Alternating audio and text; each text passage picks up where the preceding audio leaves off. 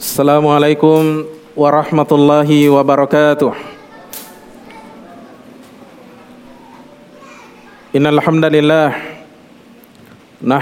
wa nasta'inuhu wa nastaghfiruh wa na'udzu billahi min shururi anfusina wa min sayyiati a'malina may yahdihillahu wa may yudlil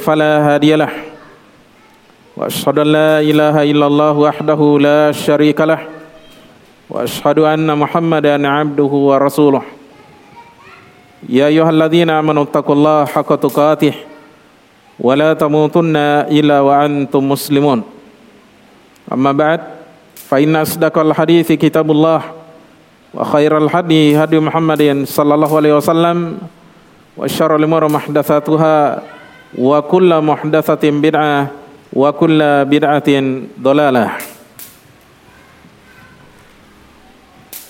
Hadirin sekalian yang kami muliakan Alhamdulillah Di malam hari yang berbahagia ini Kita kembali duduk Dalam membahas kitab Riyadus Salihin Karya dari Abu Zakaria Nawawi rahimahullah.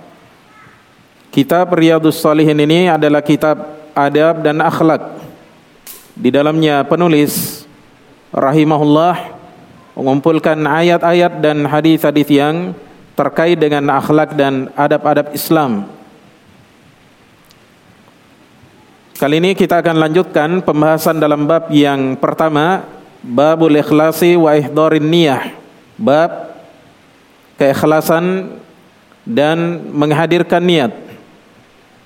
Yani seorang hamba ketika dia beramal maka hendaknya dia senantiasa memperhatikan keikhlasannya dalam amalan-amalannya. Demikian pula niatnya dia hadirkan agar setiap amalan yang dia kerjakan apakah amalan itu adalah amalan ya ibadah atau amalan-amalan yang sifatnya mubah bisa bernilai ibadah di sisi Allah Subhanahu wa taala. Hadirin sekalian yang kami muliakan, kali ini insyaallah taala kita akan membahas hadis yang ketiga dari kitab Riyadhus Shalihin. Pertama kita akan bacakan lafaz atau redaksi hadisnya. Kata Nawawi rahimahullah taala ketika membawakan hadis yang ketiga ini dalam kitabnya Riyadhus Shalihin Wa an Aisyah radhiyallahu anha dari Aisyah semoga Allah Subhanahu wa taala ridha terhadap beliau. Qalat kata Aisyah qala Nabi sallallahu alaihi wasallam Katanya Nabi sallallahu alaihi wasallam bersabda la hijrata ba'dal fathi Tidak ada lagi hijrah setelah penaklukan kota Makkah. Jadi tidak ada lagi hijrah setelah penaklukan kota Mekah. Walakin jihadun wa niyatun akan tetapi yang ada adalah jihad dan niat. Ya, yang tersisa adalah jihad dan niat. Wa idzastunfirtum famfiru. Dan apabila kalian diminta untuk keluar yakni keluar berjihad fanfiru maka keluarlah kalian. Muttafaqun alaihi hadis ini kata An-Nawawi rahimahullah adalah hadis yang disepakati atasnya. Ya. Disepakati atasnya yakni antara Al-Bukhari dan Muslim. Nanti insyaallah kita akan jelaskan di mana posisinya dalam kitab Sahih Al-Bukhari dan Sahih Muslim. Hadirin sekalian yang kami muliakan, seperti biasanya metode yang kita gunakan dalam mensyarah hadis-hadis Riyadus Salihin, setelah kita bawakan lafaz atau redaksi hadisnya, kita kembali kawal dari lafaz hadis ini. Untuk kita jelaskan pertama biografinya Ummul Mukminin Aisyah radhiyallahu anha yang meriwayatkan hadis ini. Kemudian yang kedua kita akan berikan syarah penjelasan terhadap hadis ini. supaya kita mengerti apa yang diinginkan oleh Rasulullah sallallahu alaihi wasallam di dalam sabdanya ini. Karena banyak orang salah paham terkhusus hadis yang ada di depan kita ini nanti akan saya jelaskan kesalahpahaman tersebut kemudian yang ketiga kita akan jelaskan siapa saja di antara ulama yang meriwayatkan hadis ini selain dari Al-Bukhari dan Muslim kemudian yang keempat kita akan memetik beberapa buah faidah dari kalamnya para ulama kita dari kitab-kitab mereka agar ada sesuatu yang kita tulis dan bawa pulang ke rumah. Hari ini sekalian yang kami muliakan, kita kembali ke awal dari lafaz hadis ini. Kata Nawawi rahimahullah taala saat membawakan hadis yang ketiga ini, wa an Aisyah radhiyallahu anha dari Aisyah semoga Allah Subhanahu wa taala ridho terhadap beliau. Aisyah adalah salah seorang di antara istrinya Rasulullah sallallahu alaihi wasallam. Nama lengkapnya adalah Aisyah bintu Abi Bakrin As-Siddiq Al-Qurasiyah. Jadi beliau berasal dari suku Quraisy juga.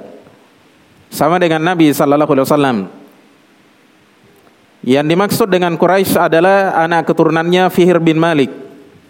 Fihir bin Malik Ya kakeknya Nabi SAW yang kesekian, kesekian kalinya. Saya lupa yang keberapa. Yang jelas yang dikenal digelari dengan Quraisy itu adalah kakeknya Nabi SAW yang bernama Fihir bin Malik. Dan garis keturunannya Aisyah bermuara ke Fihir bin Malik. Hadirin sekalian yang kami muliakan, Aisyah radhiyallahu anha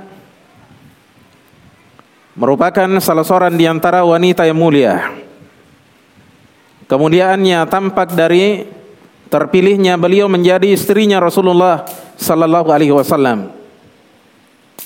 Andaikan Aisyah radhiyallahu anha tidak diberikan kemuliaan dan keutamaan oleh Allah Subhanahu wa taala cukup beliau mendapatkan keutamaan yang luar biasa besarnya ketika beliau dipilih oleh Allah Subhanahu wa taala menjadi istrinya Rasulullah sallallahu alaihi wasallam. Karena perlu kita ketahui jamaah sekalian bahwa Rasulullah sallallahu alaihi wasallam ketika menikahi setiap dari istrinya itu ada perintah dari Allah Subhanahu wa taala. Jadi tidak ada yang dinikahi oleh Nabi sallallahu alaihi wasallam dari wanita-wanita tersebut kecuali mereka adalah wanita-wanita yang telah diridhoi oleh Allah Subhanahu wa taala. Aisyah radhiyallahu anha menikah dengan Rasulullah sallallahu alaihi wasallam dalam usianya yang keenam dua tahun sebelum Nabi sallallahu alaihi wasallam berhijrah. Akan tetapi ketika itu Nabi wasallam dan Aisyah belum sempat serumah.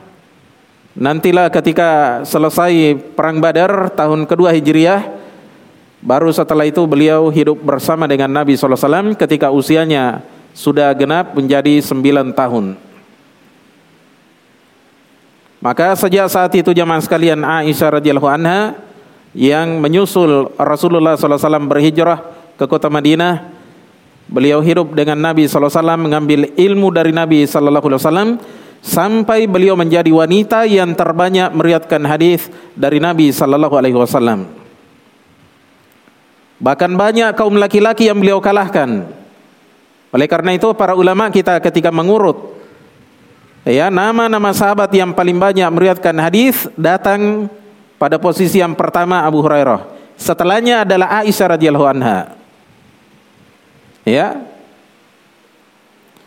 Aisyah radhiyallahu anha diberikan banyak keutamaan oleh Allah Subhanahu wa taala Salah satu di antara keutamanya Aisyah radhiyallahu anha beliau dibersihkan oleh Allah Subhanahu wa taala dalam sebuah ayat dalam surah An-Nur ketika beliau dituduh secara dusta oleh kaum munafikin dan ayat ini jamaah sekalian akan senantiasa kita baca sampai ya akhir zaman. Aisyah radhiyallahu anha adalah wanita yang paling alim, yang paling berilmu. Ya. Sampai dikatakan oleh Az-Zuhri rahimahullah taala ketika beliau memuji Aisyah kata Az-Zuhri rahimahullah, "Lau jumi'a ilmu Aisyah ila ilmi jami'i azwajin Nabi sallallahu alaihi wasallam" Andaikan katanya dikumpulkan dibandingkan ilmunya Aisyah dengan ilmu seluruh istrinya Nabi sallallahu alaihi wasallam wa ilmi jami'in nisa ditambah lagi dengan ilmu seluruh wanita yang ada lakana ilmu Aisyah afdalah maka pasti ilmunya Aisyah masih lebih utama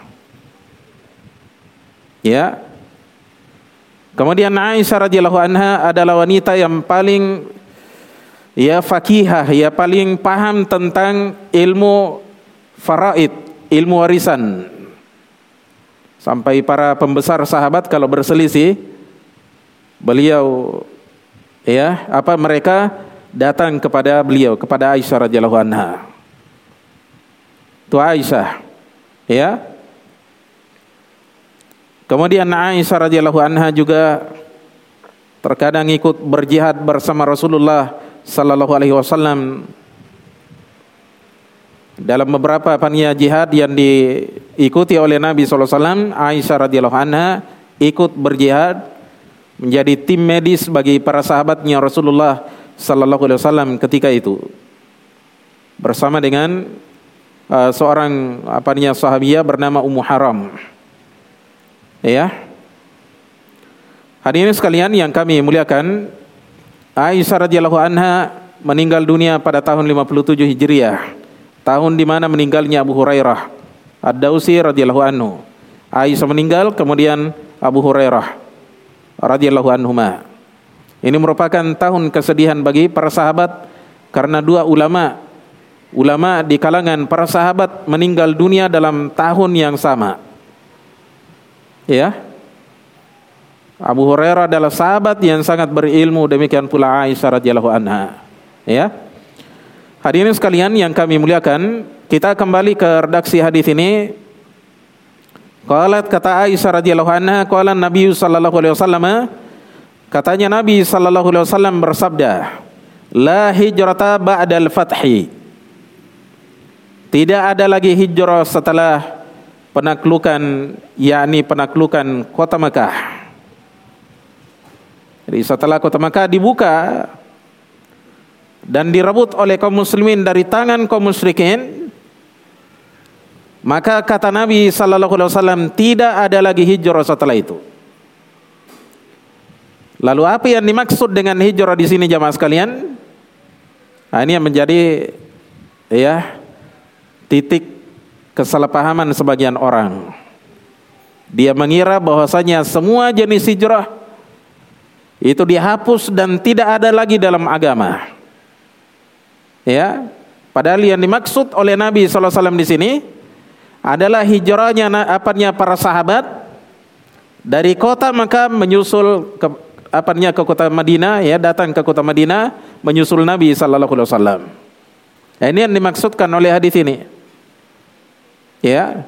Kenapa jamaah sekalian? Karena kota Mekah telah menjadi negeri Islam dan yang namanya hijrah jamaah sekalian tidak disyariatkan kecuali dari negeri kafir di mana kaum muslimin tidak bisa menegakkan agamanya di sana berpindah ke negeri Islam. Tapi setelah kota Mekah direbut, kaum muslimin mengambil alih kota Mekah, maka tidak ada lagi alasan untuk berhijrah dari kota Mekah menuju Madinah. Ketika itu ada sebagian di antara sahabat ingin melakukan hijrah ke kota Madinah, tapi kemudian dilarang oleh Nabi sallallahu alaihi wasallam. Ya karena memang sudah selesai masanya berhijrah. Allah sudah tutup pintu hijrah bagi sahabat-sahabat yang lainnya. Ya. Setelah terjadinya Fathu Makkah, penaklukan kota Makkah. Dari sinilah kemudian para sahabat diberikan keutamaan oleh Allah Subhanahu wa taala dengan ibadah yang bernama hijrah ini. Dari sinilah kemudian Allah Subhanahu wa taala membedakan antara sahabat yang berhijrah ke kota Madinah dengan mereka yang tidak sempat berhijrah. Terjadi penaklukan kota Makkah tidak ada lagi keutamaan yang Allah berikan seperti yang Allah berikan kepada mereka yang sudah berhijrah sebelumnya. Ya. Dari kafadlullahi yu'ti mayasya, itulah keutamaan yang Allah berikan kepada orang yang Allah kehendaki. Sudah ditutup. Jadi ini hijrah yang ditutup oleh Allah Subhanahu wa taala. Tidak ada lagi hijrah dari kota Makkah ke kota Madinah. Dari sini juga dijelaskan oleh sebagian di antara ulama kita bahwasanya di dalam sabdanya Nabi Sallallahu Alaihi Wasallam ini ada isyarat bahwasanya kota Mekah akan senantiasa menjadi milik kaum muslimin sampai akhir zaman. Dan itu yang benar insya Allah. Ya. Nanti kota Mekah direbut dan dikuasai orang kafir di akhir-akhir zaman ketika tidak ada lagi orang yang pergi berhaji ke Baitullah. Allah utus orang-orang Habasyah. Ya orang-orang Habasyah diutus ke sana membongkar dan menghancurkan Ka'bah sampai ke dasar-dasarnya. Ya karena sebenarnya di bawah Ka'bah itu ada barang berharga. Kemungkinan barang tambang ya. Iya. Makanya ini yang mereka cari mereka kejar-kejar. Sampai mereka datangi Ka'bah. Ya di saat itu tidak lagi ada orang-orang beriman yang datang berhaji ke Baitullah. Karena Baitullah sudah tidak berfungsi lagi, maka Allah utus mereka ini Allah takdirkan ada kaum yang menghancurkan Ka'bah ini. Ya. Yeah. Hadirin sekalian yang kami muliakan, jadi sabdanya Nabi sallallahu alaihi wasallam ini la hijrata ba'dal fathi. Tidak ada lagi hijrah setelah penaklukan kota Mekah. Hijrah disyariatkan di dalam agama kita jamaah sekalian dalam rangka menyelamatkan agama seorang muslim. Ya. Dalam rangka ya menjauhkan diri dari kezaliman dan penindasan yang dilakukan oleh orang-orang kafir. Oleh karena itu jemaah sekalian apabila kaum muslimin berhadapan dengan kondisi yang seperti ini maka disyariatkan bagi mereka jemaah sekalian untuk berhijrah. Ya, Jadi apa yang dijelaskan oleh Nabi SAW di sini bahwasanya tidak ada lagi hijrah setelah penaklukan kota Makkah bukan hukum secara umum bahwasanya semua jenis hijrah sudah di apa namanya dihapuskan. Karena dalam agama kita ada kaidah menyatakan al apanya al hukmu yadur ma'al illah. Hukum itu berputar bersama dengan sebab. Kenapa hijrah disyariatkan jemaah sekalian? Apa sebabnya? Sebabnya dalam rangka menyelamatkan agama kita dari ya ronrongan orang-orang kafir.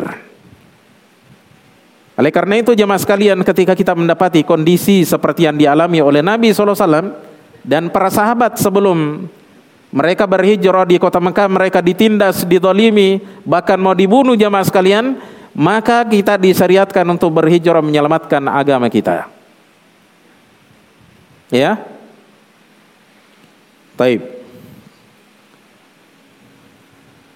Dijelaskan oleh seorang ulama kita yang bernama Abu Sulaiman Al-Khattabi rahimahullah taala di dalam kitabnya A'lamul Hadis pada jilid 2 halaman 1354 kata beliau rahimahullah kanatil hijratu ala maknanya ini Hijrah itu dahulu katanya dilakukan karena ada dua maknanya, ada dua sebabnya. Wal makna al-akharu wa ahaduhuma salah satunya kata beliau annal ahada minal qabaili kanu idza aslamu wa aqamu fi diyarihim baina dhahranai qaumihim futinu wa udhu. Makna atau sebab yang pertama bahwa orang perorangan dari beberapa kabilah dahulu mereka apabila berislam dan mereka tetap tinggal di negeri mereka baina dhahranai qaumihim di antara kaumnya futinu wa udhu maka mereka pasti diuji dan disakiti fa umiru bil hijrati liyaslama lahum dinuhum oleh karena itu mereka diperintah untuk berhijrah agar selamat agama mereka wa yazulul wa ada anhum dan juga hilang gangguan dari mereka. Inilah yang pertama. Kemudian sebab yang kedua kenapa para sahabat ketika itu diperintah untuk berhijrah? Wal makna al-akhar makna yang kedua anna ahlad din bil madinati kanu fi qillatin minal adadi. Bahwa penganut agama Islam di kota Madinah dahulu masih sedikit jumlahnya. Ya. Wa dha'fin minal quwah dan juga masih lemah dari sisi kekuatannya. Maka Allah perintahkan kepada Nabi agar memerintahkan seluruh sahabatnya yang sudah berislam supaya bergabung ke kota Madinah untuk memperkuat kaum muslimin. Ini sebabnya mereka dahulu berhijrah ya untuk memperkuat apa nia barisan kaum muslimin. Ya. Demikian yang dijelaskan oleh Al-Khattabi rahimahullah taala dalam kitabnya A'lamul Hadis. Taib. Kemudian perkara yang kedua di sini perlu kita ketahui bersama tentang hijrah yang pernah terjadi, hijrah yang pernah disyariatkan ya Dijelaskan oleh seorang ulama kita yang bernama Ibnu Dakikil Aid.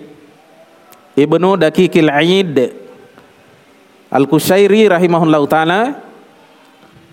Sini saya nukilkan ucapannya beliau melalui kitab yang berjudul Tarhu At-Tathrib. Tarhu At-Tathrib. Ini karyanya Al-Iraqi rahimahullah taala pada jilid 2 halaman 22. Kata Ibnu Dakikil Aid Al-Kushairi rahimahullah taala al-hijratu taqa'u ala umur. Hijrah itu katanya terjadi karena apanya dalam beberapa perkara, artinya dalam beberapa bentuk. Yang pertama kata beliau adalah al-hijratul ula, hijrah yang pertama ila ardil habasyati. Hijrah menuju Habasyah. Hijrah menuju Habasyah. Athaniyatu yang kedua min Makkah ilal Madinati. Hijrah dari kota Makkah menuju Madinah. Ya. Satu hijratul qabaili ala Rasulillah sallallahu alaihi wasallam. Hijrah yang ketiga adalah hijrah kabilah-kabilah, suku-suku yakni bangsa Arab ketika itu ila Rasulillah sallallahu alaihi wasallam menuju Rasulullah sallallahu alaihi wasallam. Kemudian yang ke yang keempat ar-rabi'atu hijratu man aslama min ahli Makkah. Hijrahnya orang yang berislam dari kalangan penduduk Mekah. Jadi mereka semua ini disyariatkan apa? Hijrah. Al-khamisatu yang kelima adalah hijratu manahallahu anhu. Yang kelima adalah hijrah dalam artian meninggalkan sesuatu yang Allah larang darinya. Nah, itu juga namanya hijrah. Ya. Terkhusus dalam hal ini kesyirikan. Dan semua bentuk maksiat jamaah sekalian ini wajib untuk kita hijrah darinya. Ya. Jadi seorang yang berhijrah meninggalkan maksiatnya meninggalkan masa lalunya jemaah sekalian ini juga dianggap sebagai bentuk hijrah. Ya. Walaupun kalau kita dengarkan kata hijrah jamaah sekalian yang terbetik pertama kali adalah hijrahnya seorang muslim dari negeri kafir ke negeri Islam dalam rangka menyelamatkan agamanya. Ya. Tapi kalau ada orang yang bertaubat dia tinggalkan masa kelamnya, ah, itu juga termasuk bagian dari hijrah. Iya. Kemudian ditambahkan di sini oleh Ali Iraqi rahimahullah taala dalam kitabnya Tarhut Tathrib, beliau berikan ta'liq komentar ketika itu. Selesai beliau menukilkan ucapan dari Ibnu Daqiqil Aid kata beliau baki alaihi min aksamil hijrati satu aksamin. Tersisa bagi beliau bagi Ibnu Daqiqil Aid di antara jenis-jenis hijrah salah satu aksamin tiga jenis wahia dan tiga jenis itu adalah ya yang pertama kata beliau al hijratu tsaniyatu ila ardil habasyah. Hijrah yang kedua menuju negeri Habasyah. Jadi ada dua kali hijrah ya ke negeri Habasyah. Rombongan pertama kemudian setelah itu mereka kembali. Dengar karena dengar ada berita katanya penduduk Mekah sudah berislam semua sudah mualaf semua, ternyata beritanya tidak benar. Karena mereka karena mendapatkan penindasan kembali lagi ke negeri Habasyah. Ya. Kemudian wal hijratu ats-tsalitsatu al hijratu ila Syami. Hijrah yang ketiga yang tidak disebutkan di sini adalah hijrah menuju negeri Syam. Ya. Hijrah menuju uh, hijrah yang kedua ya afwan ya. Hijrah yang kedua wal hijratu tsaniyatu hijratu man kana muqiman bi biladil kufri. Hijrah yang kedua hijrahnya orang yang mukim di negeri orang kafir wala yaqdiru ala idharid dini sedangkan dia tidak mampu untuk menegakkan ya menampakkan agamanya. Fa innahu yajibu alaihi ayyuhajira ila biladi al-islam karena orang yang seperti ini wajib baginya untuk berhijrah menuju negeri Islam kama sarraha bihi ashabuna sebagaimana pendapat ini ditegaskan oleh para ya sahabat-sahabat kami yakni para ulama yang bermadhab Syafi'iyah karena beliau Ali Roki ini termasuk ulama yang bermadhab syafi'iyah. Kemudian wal hijratu satu hijrah yang ketiga adalah al hijratu ila syami. Hijrah ke negeri Syam pi akhir zaman pada akhir zaman ainda duhuril fitani ketika tersebarnya fitnah fitnah.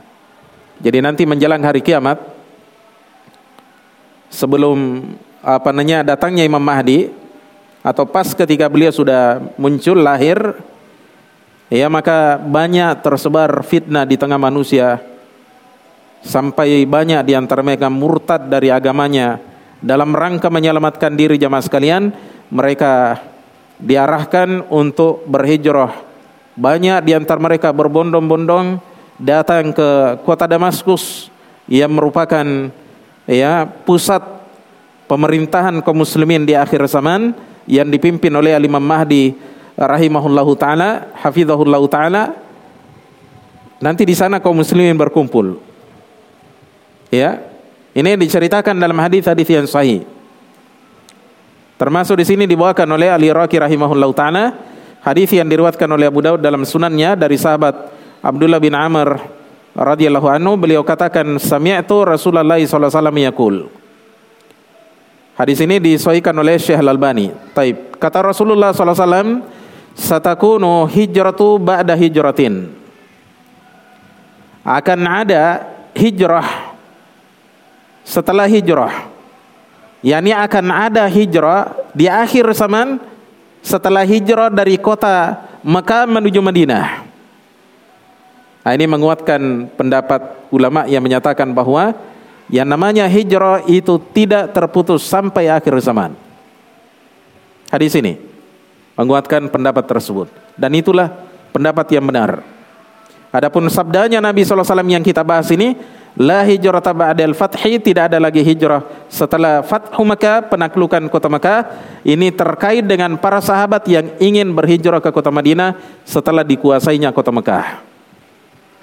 Mereka ini dilarang hijrah. Kenapa jamaah sekalian? Karena Mekah sudah berubah menjadi negeri Islam. Iya. Jadi kata Nabi SAW akan ada nanti hijrah setelah hijrah. Ya. Fakhiyaru ahlil ardi alsamuhum muhajar Ibrahim dan sebaik-baik penduduk bumi yakni pada masa itu adalah orang yang paling apa namanya bersabar tinggal di negeri hijrahnya Nabi Ibrahim. Artinya mereka tinggal di negeri Syam. Karena dulu Ibrahim tinggal di negeri Syam berhijrah ke negeri Syam.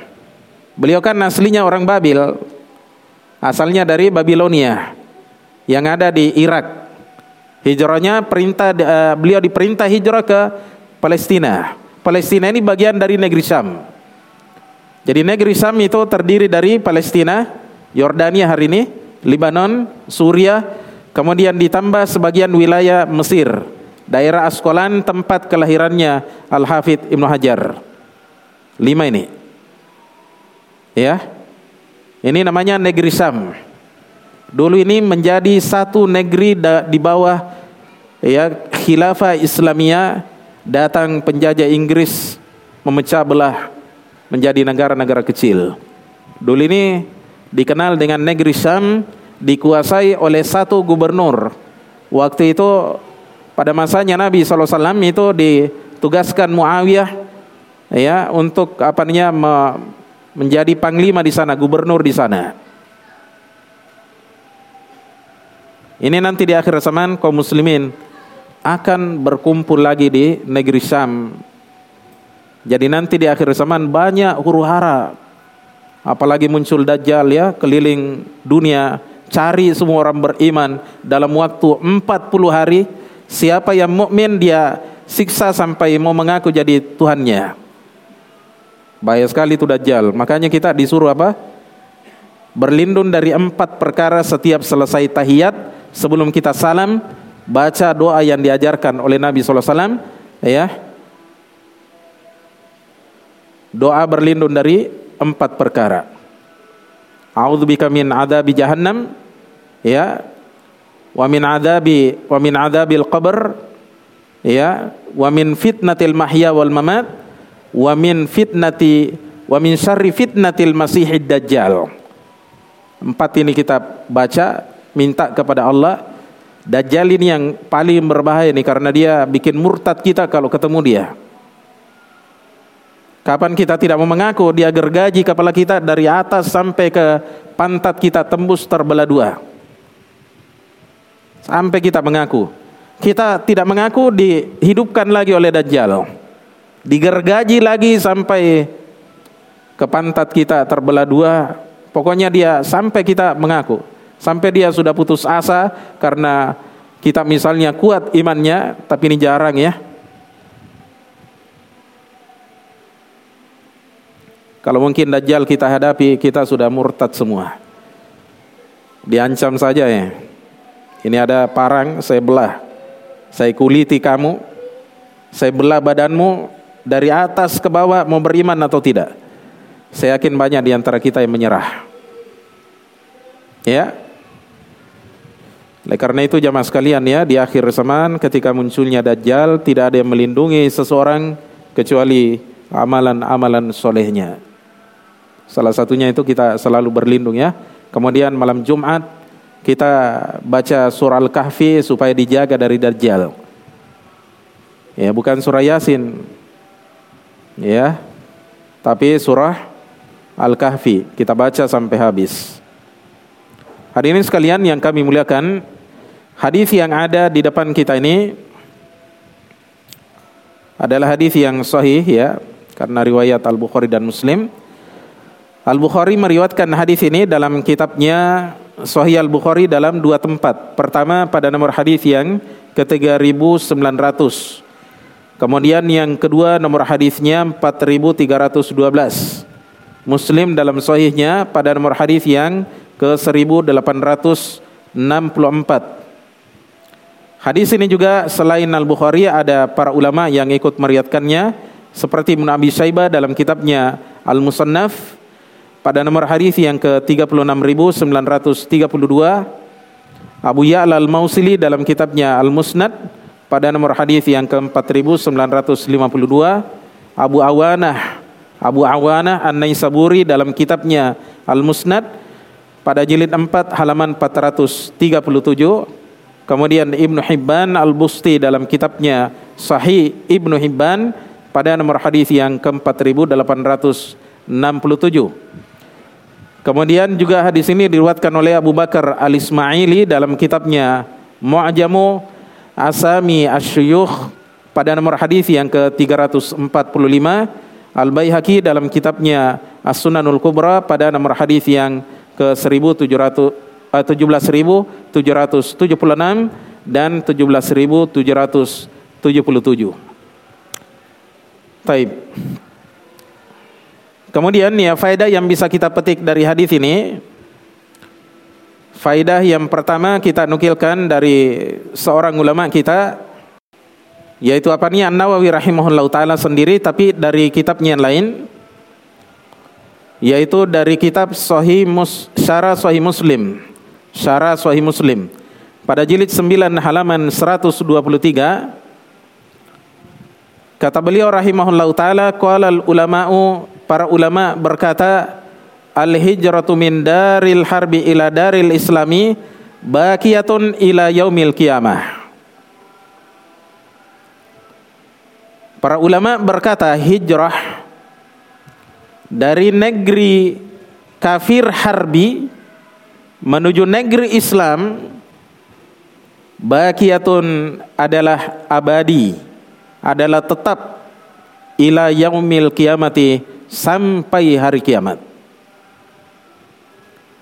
Wa fi ta'wili hadzal hadithi kaulani sedangkan dalam menafsirkan hadis ini yakni hadis yang kita bahas dalam bab ini kaulani maka di sana ada dua penafsiran ada dua pendapat ahaduhuma yang pertama kata beliau la hijrata ba'dal fathi mim makkah li'annaha sarat dar islamin penafsiran yang pertama tidak ada hijrah setelah penaklukan kota Mekah. Dari kota Mekah yakni menuju Madinah. Li'annaha sarat dar islamin karena kota Mekah sudah berubah menjadi negeri Islam. Ya. Wa inna ma takunul hijratu min daril harbi. Dan sesungguhnya hijrah itu hanyalah terjadi dari negeri kafir harbi. Nah, sedangkan Mekah sudah menjadi apa negeri Islam miliknya kaum muslimin ketika itu. Setelah terjadi Fathu Mekah. Ya. Wa hadha yatadammanu mu'jizatan li Rasulillah sallallahu alaihi wasallam. Kata Nawawi rahimahullah, hadis ini mengandung ini faedah yang lain beliau selipkan. Ini katanya mengandung hadis ini mengandung mukjizatnya Rasulullah sallallahu wasallam bi annaha tabqa daru islamin bahwa kota Mekah ya akan terus menjadi negeri Islam la yutasawwaru minhal hijratu sehingga tidak bisa dibayangkan lagi akan terjadinya hijrah dari Mekah. Artinya nanti dia akan apa terus senantiasa dikuasai oleh kaum muslimin. Jadi tidak ada orang kafir bisa kuasai Mekah. Allah jaga. Sama dengan Madinah.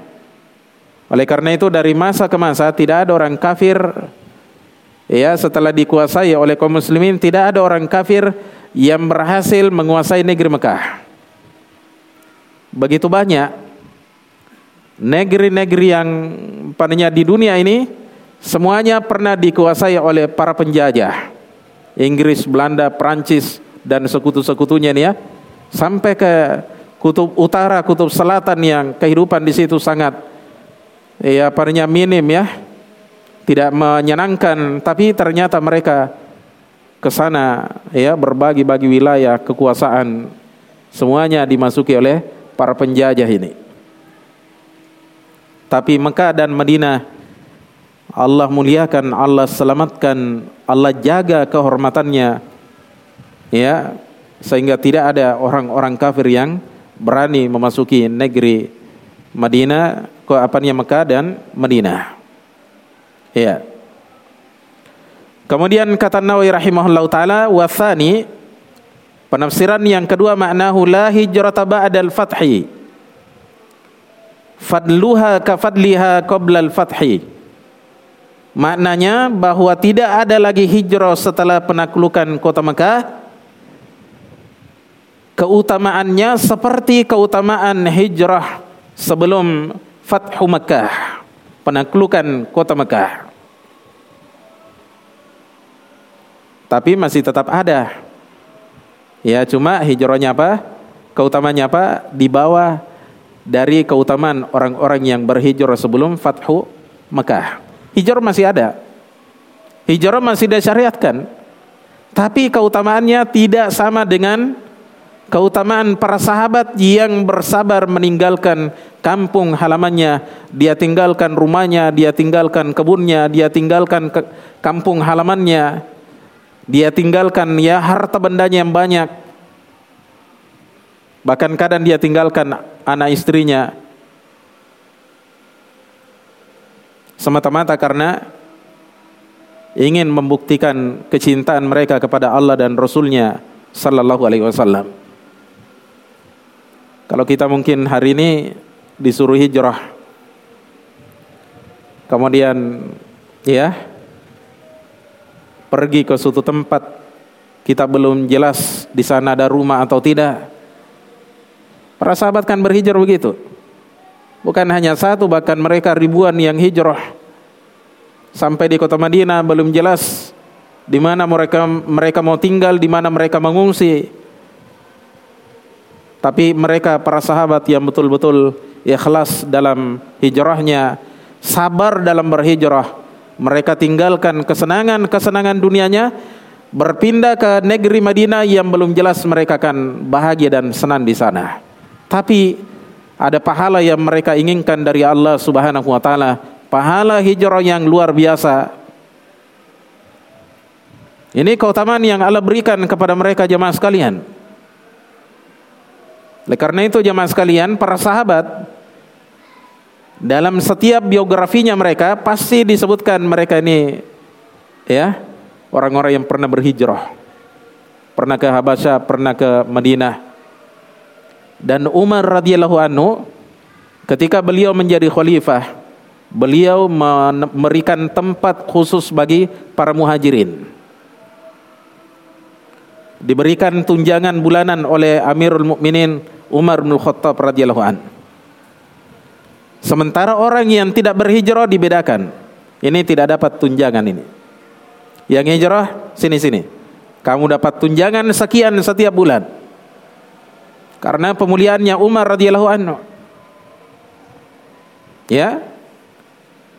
Hari ini sekalian yang kami muliakan, kemudian faidah yang berikutnya dari hadis ini kita nukilkan dari seorang ulama kita yang bernama Syaraful Haq Al-Azim Abadi Syaraful Haq Al-Azim Abadi Beliau ini merupakan ulama dari negeri India Ya namanya beliau Syaraful Haq Al-Azim Abadi. Gurunya Al-Mubarak Furi. Pernah kita dengar ya Al-Mubarak Furi? Penulis syarah Sunan Tirmidzi Yang berjudul Tuhfatul Ahwadi. Nah, Ini gurunya beliau nih Dari India. Kata beliau dalam kitabnya Aunul Ma'bud pada jilid 7 halaman 113 Al-hijratu bisababil jihad fi sabilillah Hijrah dengan sebab berjihad di jalan Allah. Wal hijratu bisababi niyatil khalisati lillahi ta'ala. Dan juga berhijrah dengan sebab niat yang ikhlas Karena Allah. Katalabil ilmi wal firari minal fitani. Seperti mencari ilmu yakni dia tinggalkan negerinya yang penuh dengan kejahilan. Pergi belajar mencari ilmu agama wal firari minal fitan dan lari dari fitnah. Yakni ujian-ujian yang merondong keimanannya. Bakiyani mudad dahri. Maka hijrah seperti ini abadi sepanjang masa. Ya jadi ini yang terus berjalan. Jadi tidak semua hijrah kata beliau terhapus.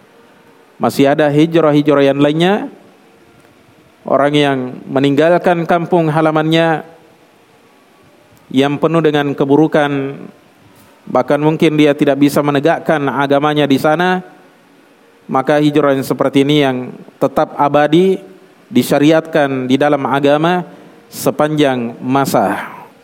Faidah yang berikutnya kita nukilkan dari Al-Hafidh Ibnu Hajar Al-Asqalani rahimahullahu taala Kata beliau al-hijratul lati hiya mufaraqatil watani. Hijrah yang merupakan usaha seseorang meninggalkan negerinya yakni negerinya yang kafir allati kanat matlubatan alal ayani ilal madinati. Ia merupakan hijrah yang dituntut yakni yang diwajibkan diperintah bagi setiap person setiap muslim maksudnya person muslim. Ilal madinati menuju Madinah ingqata'at telah terputus. Telah terputus. Jadi dulu awal apanya Islam ketika kaum muslimin di di apanya ditindas oleh kaum musyrikin kafir Quraisy jamaah sekalian turun perintah dari Allah Subhanahu wa taala untuk berhijrah. Setiap mukmin wajib untuk keluar negerinya, meninggalkan kota Mekah untuk menuju ke negeri Habasa di antaranya ada yang pergi ke Madinah. Seperti rombongannya Mus'ab bin Umair ya ke kota Madinah. Beliau pertama kali yang merintis ke sana, beliau dai pertama di dalam Islam. Yaitu Mus'ab bin Umair yang sangat mirip wajahnya Rasulullah SAW. Ya, beliau adalah seorang pemuda kaya raya di kota Mekah, tapi dia tinggalkan negerinya, kampung halamannya. Ya, di mana beliau ketika ketahuan masuk Islam dikurung oleh ibunya di penjara di luar rumah, tidak diberi makan seperti layaknya ya hari-hari sebelumnya sampai kulitnya beliau bersisik ya pecah-pecah kulitnya. Ia diancam kalau tidak mau kembali kepada agama nenek moyangnya. Tapi beliau bertahan sampai beliau kemudian ia selamat dari kurungan tersebut. Akhirnya beliau menghadap kepada Rasulullah SAW berangkatlah beliau berhijrah ke kota Madinah.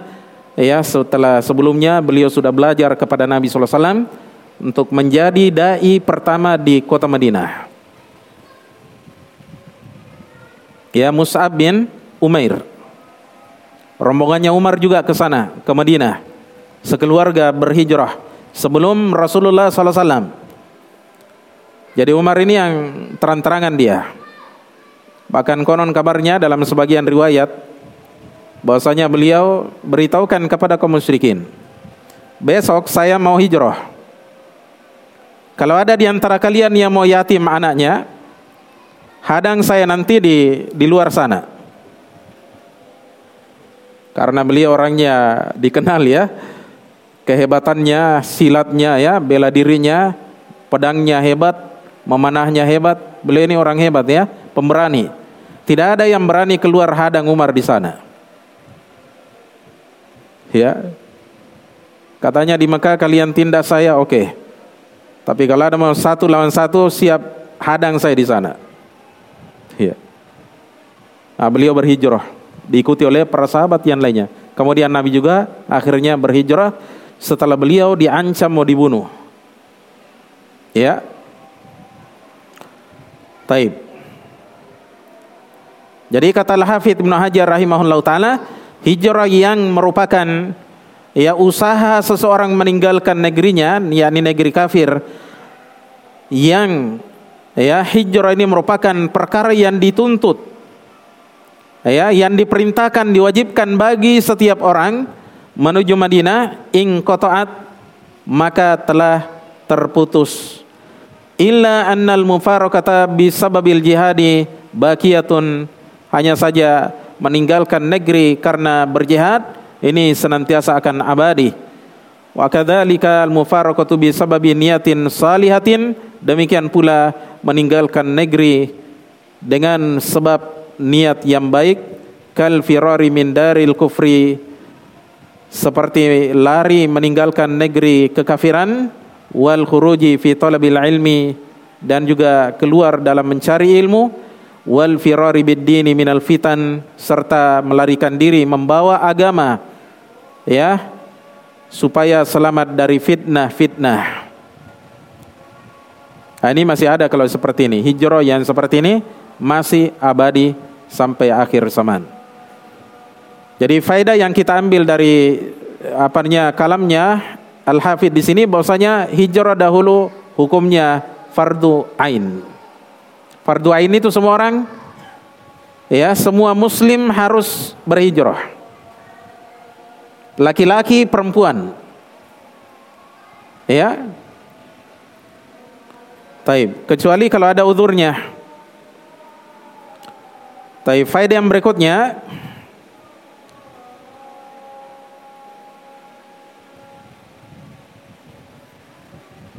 Kita adani dulu ya. Karena sudah masuk waktu. Fadal.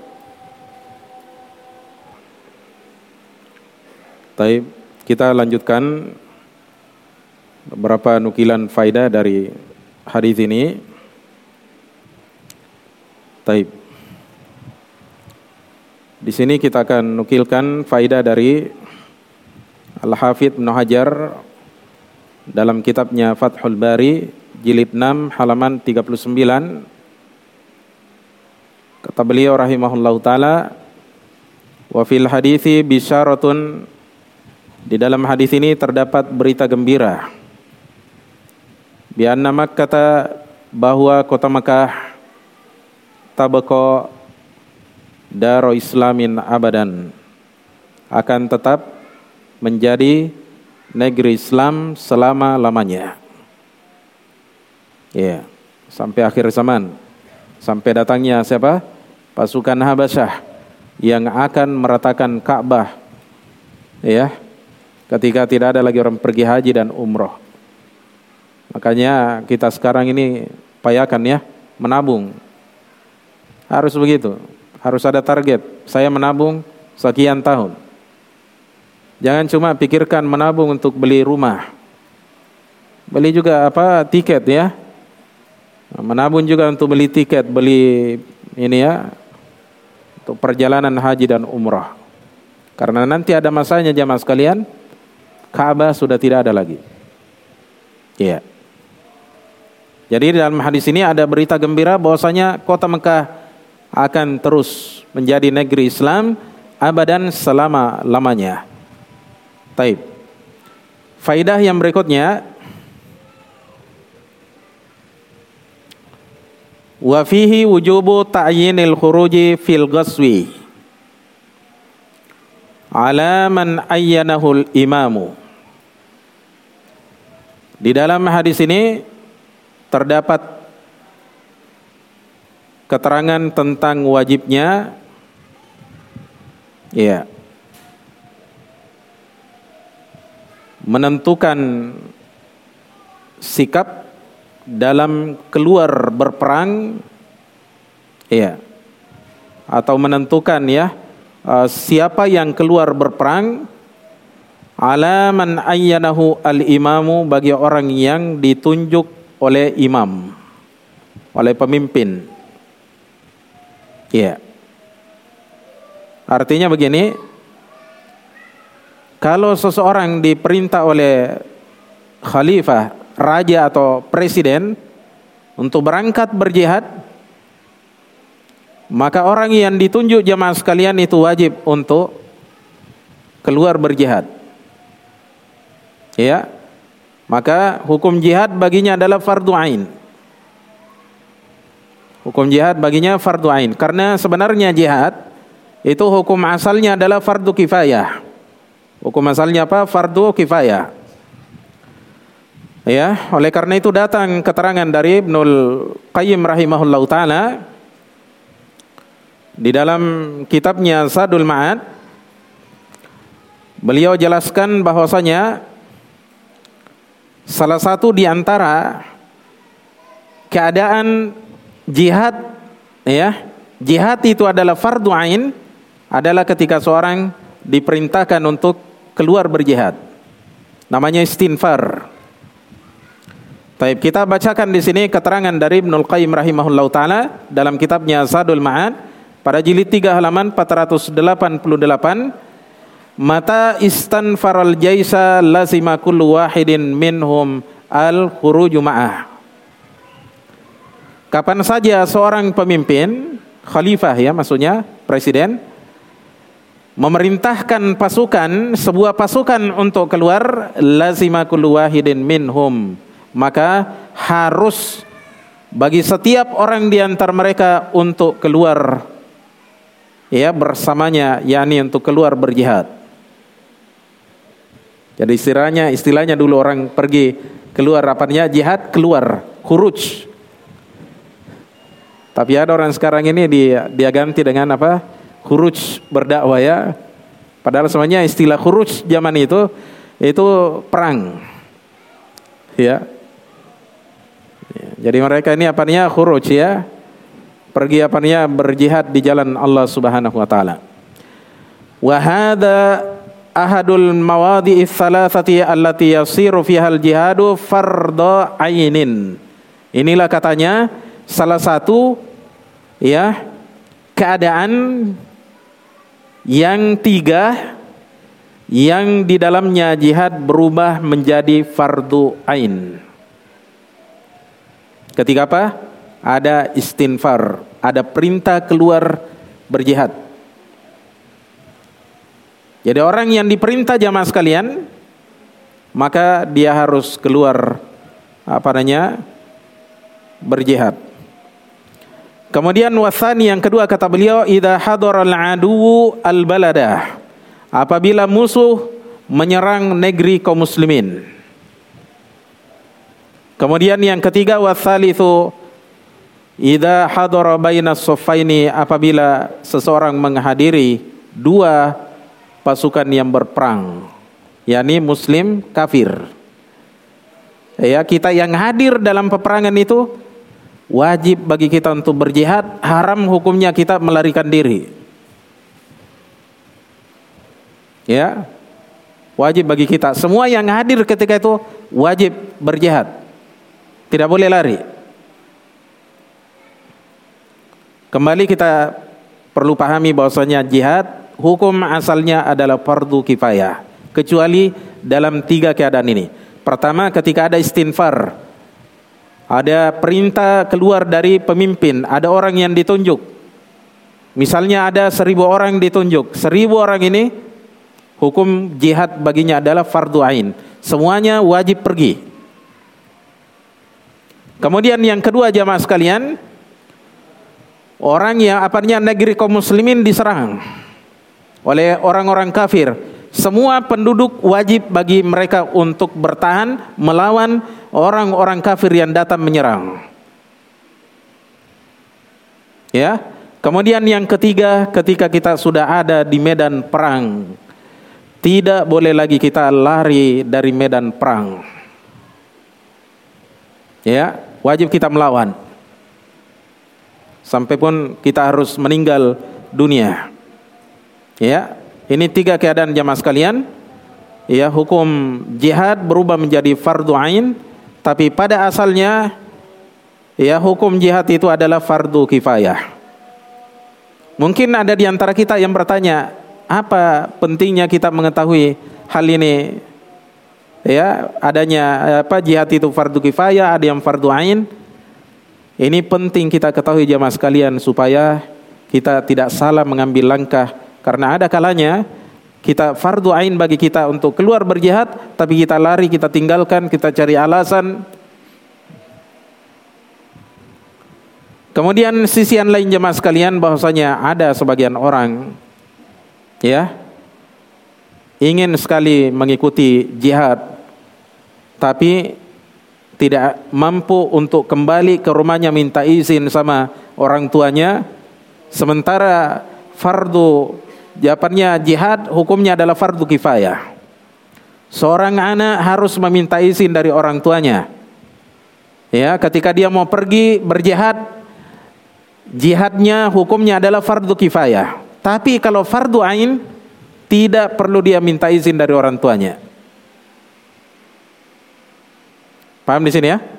Taib. Hadirin sekalian yang kami muliakan, faidah yang berikutnya, faidah ini kita nukilkan dari Syekh Muhammad bin Shalih Al-Utsaimin rahimahullahu taala dari kitabnya yang berjudul Fathu Dil Jalali wal Ikram. Ini syarah bagi Bulughul Maram. Kata beliau dalam kitabnya ini Fathu Dil Jalali wal Ikram pada jilid 5 halaman 449 kata beliau rahimahullah wa min fawaidil hadithi di antara faidahnya hadis ini annal jihada yakumu maqamal hijrati.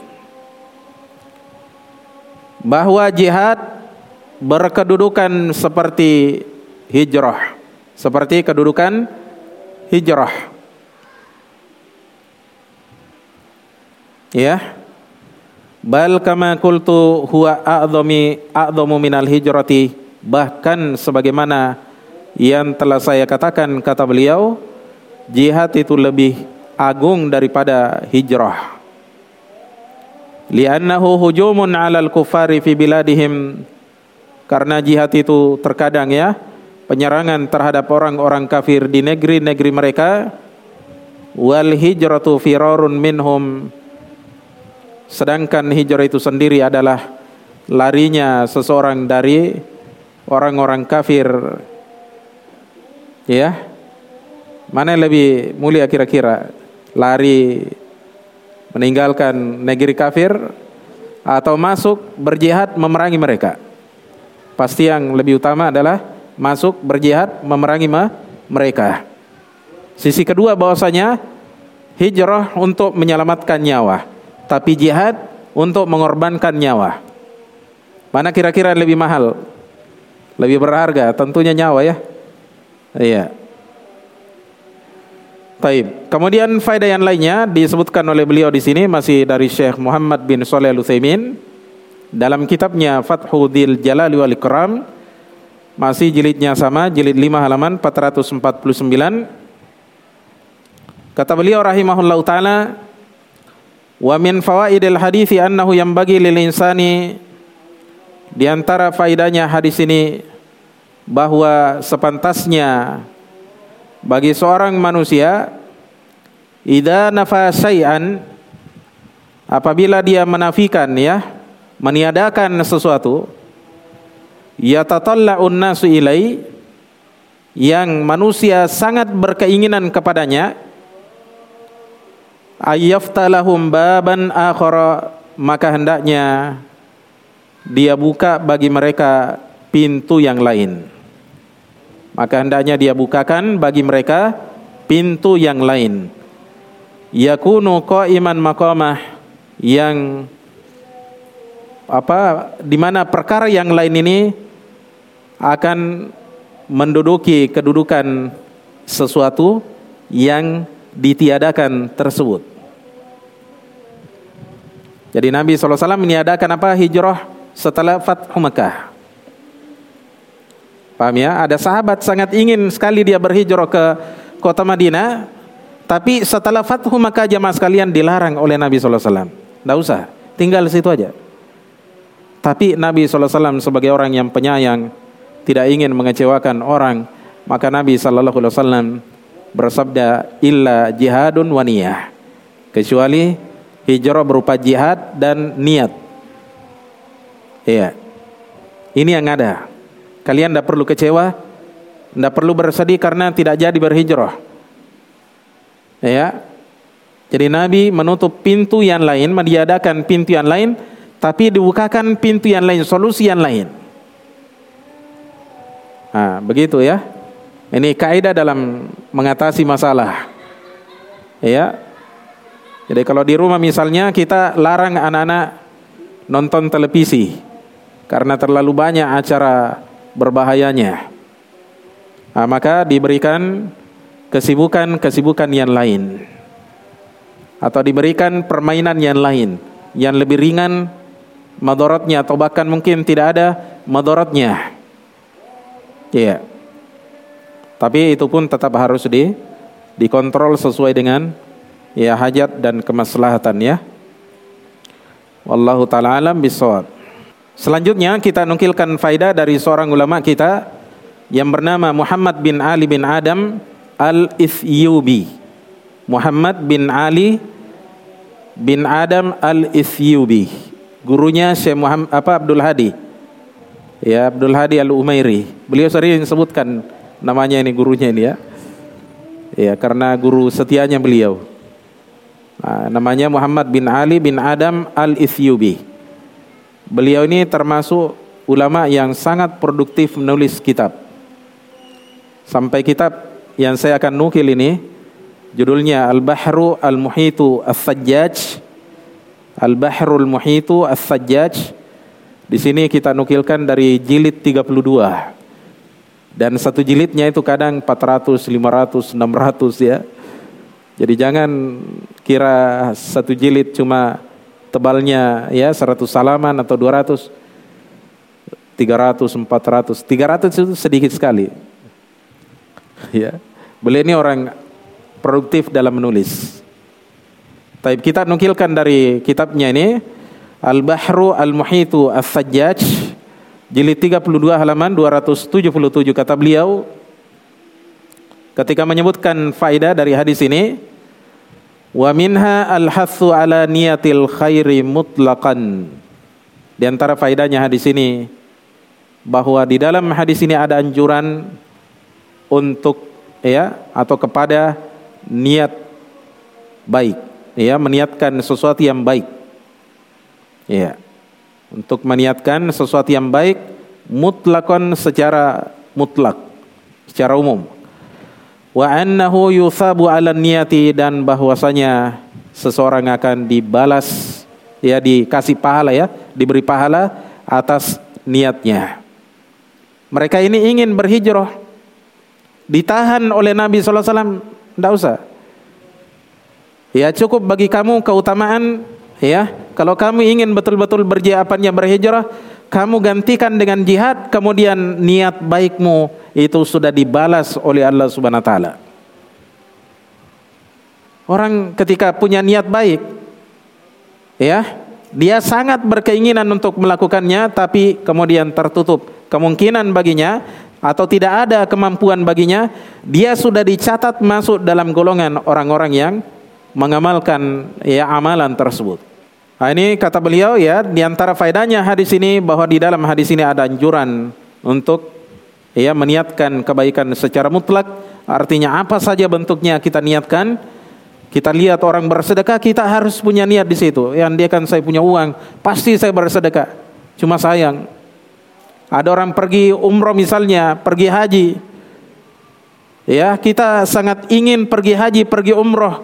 Sampai kadang kita menangis karena tidak punya uang, tidak bisa berangkat pergi haji dan umroh. Sedih melihat orang-orang itu yang akan meraih pahala yang banyak. Insyaallah niat seperti ini akan dibalas oleh Allah Subhanahu wa taala walaupun kita tidak pergi haji. Ya.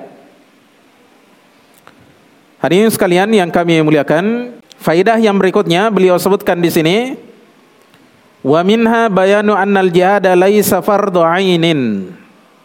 Di antara faedahnya hadis ini kata beliau bahwa di dalam hadis ini ada keterangan bahwa jihad tidaklah fardu ain, bukanlah fardu ain.